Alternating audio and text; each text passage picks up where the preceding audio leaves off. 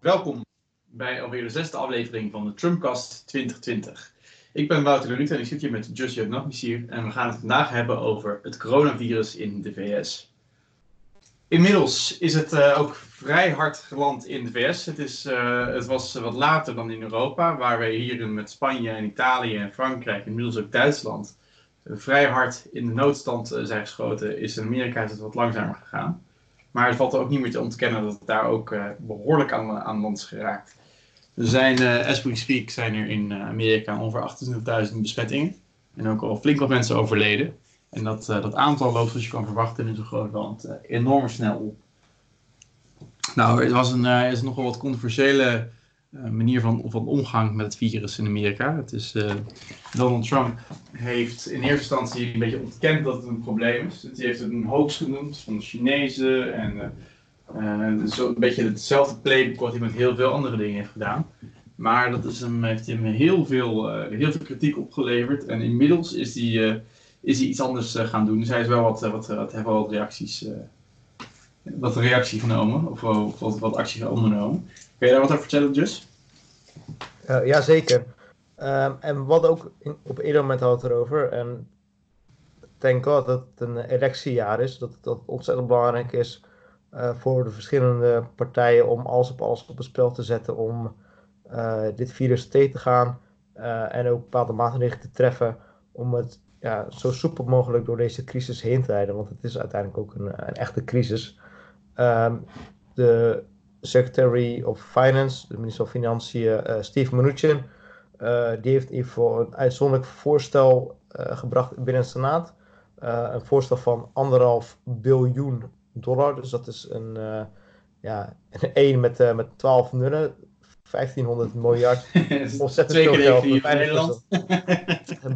het is bijna niet voorstellen hoeveel geld dat uh, nou precies is. en ze zetten in ieder geval alles op alles om in ieder geval ja, dit, deze crisis zoveel mogelijk in, in de kiem te smoren. En dat gaat in ieder geval om de, om de volgende zaken. enerzijds willen ze bedrijven helpen. Dus bedrijven die in moeilijkheden zitten. Dus denk aan de vliegtuigmaatschappijen, de hotels. Nou, daar willen ze geld in steken, zodat die in ieder geval de komende tijd niet zullen omvallen.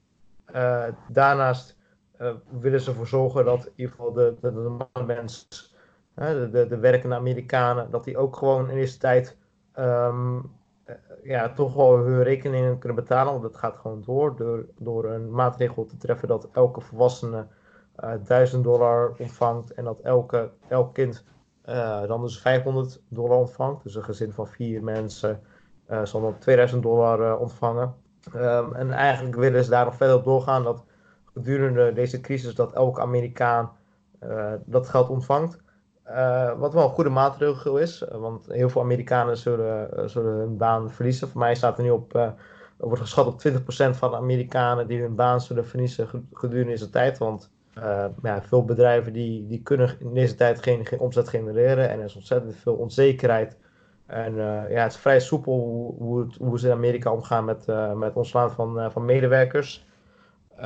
Daarnaast um, is, is het ook belangrijk om te vernoemen dat er ook bepaalde uh, voorwaarden zijn gesteld aan, uh, aan de bill voor de bedrijven. Dus dat er dus geen salaris mag worden uitbetaald aan een CEO. Er mogen geen aandelen worden, worden teruggekocht van, van, van deze bedrijven, wat dus wel was gebeurd tijdens de crisis. Voor mij haalde jij dat ook aan, dat in ieder geval 70% van het geld werd, werd besteed aan het terugkopen van aandelen. Was, was zoiets toch, Wouter?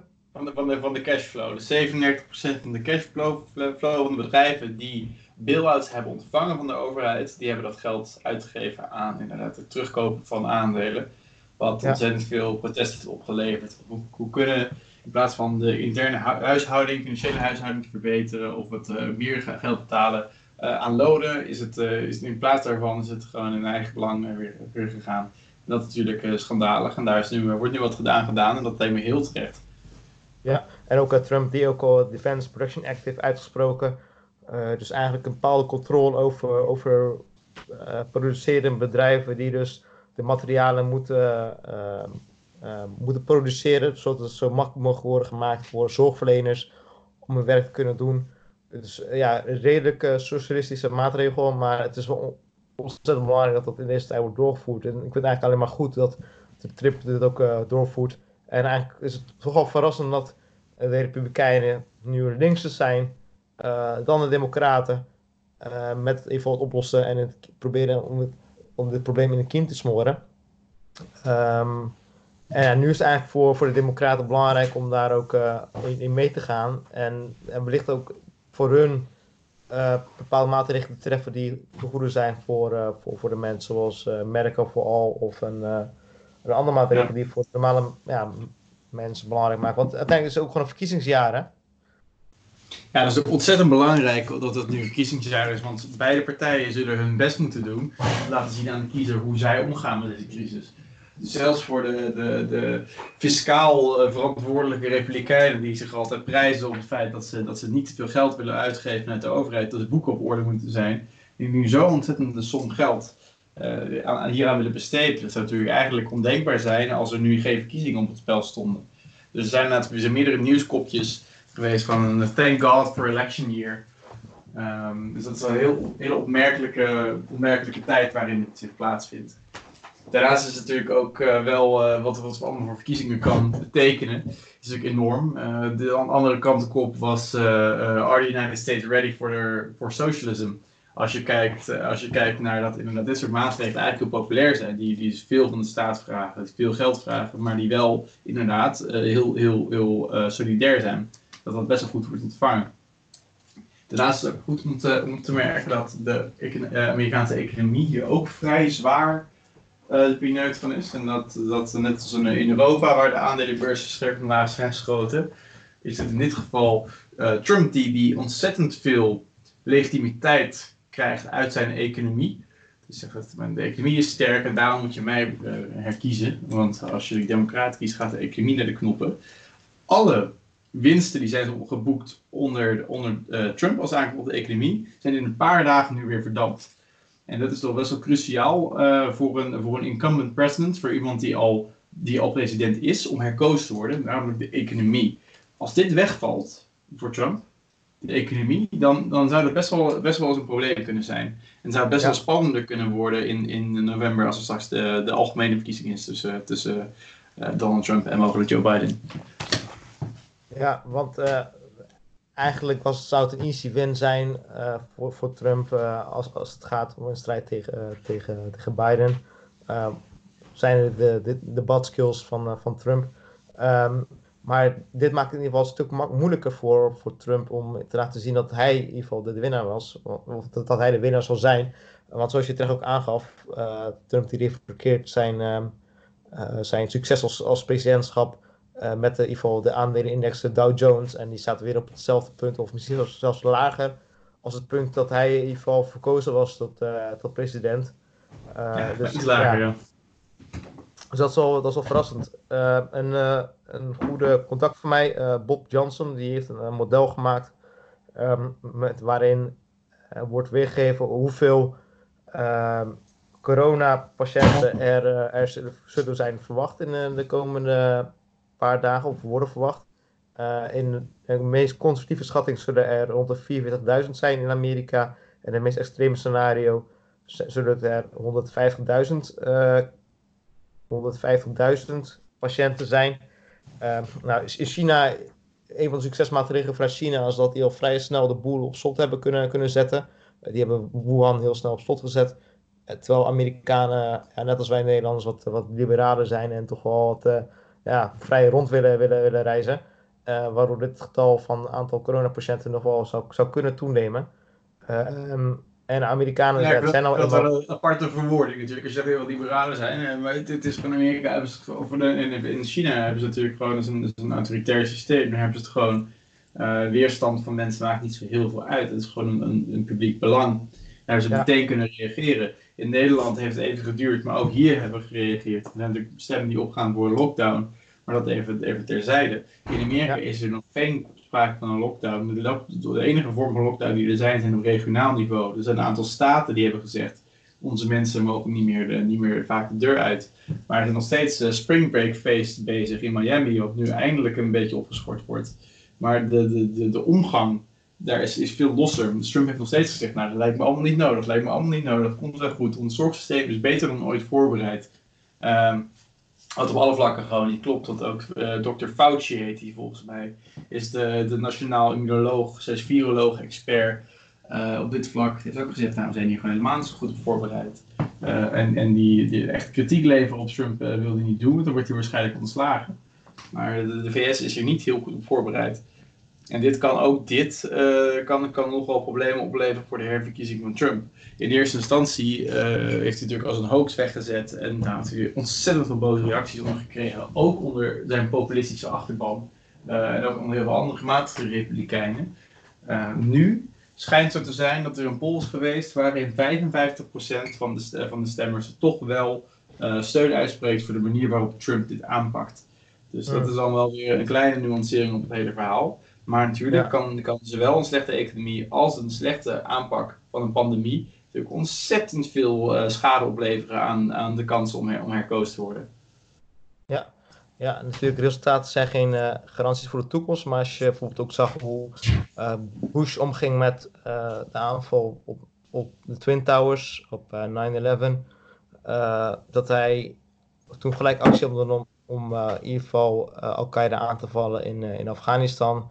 Dat leidde tot een stevige boost in zijn approval rating. Uh, want dan zien, ze, zien Amerikanen zien dan een leider die actie onderneemt. Of de goede acties zijn, dat is een tweede. Maar ze zien in ieder geval iemand die, uh, die actie onderneemt. En die ervoor zorgt dat, uh, dat de crisis ja, kan, bedaard kan worden.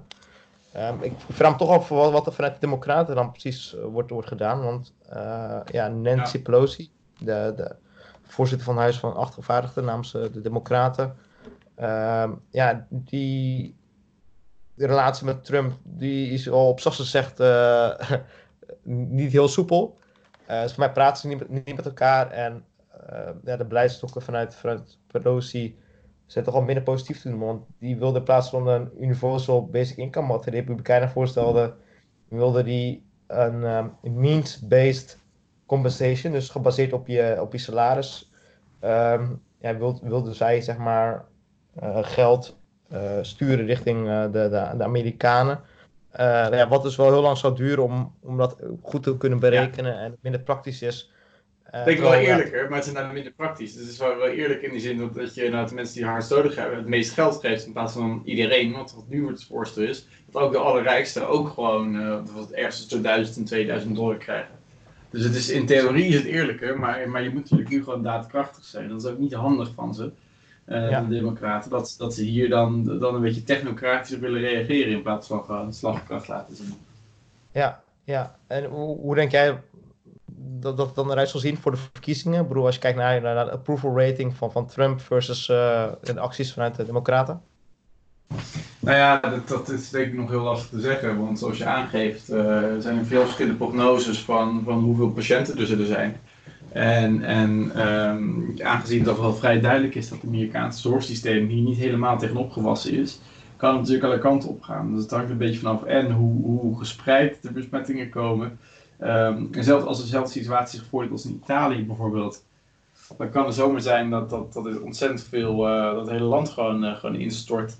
Aan de andere kant, als Trump dit, uh, dit uh, redelijk goed onder controle weet te krijgen, dan kan het ook heel veel goed voor hem opleveren. En hoe de Democraten daarop zullen reageren, dat zal nog vrij opportunistisch zijn, denk ik.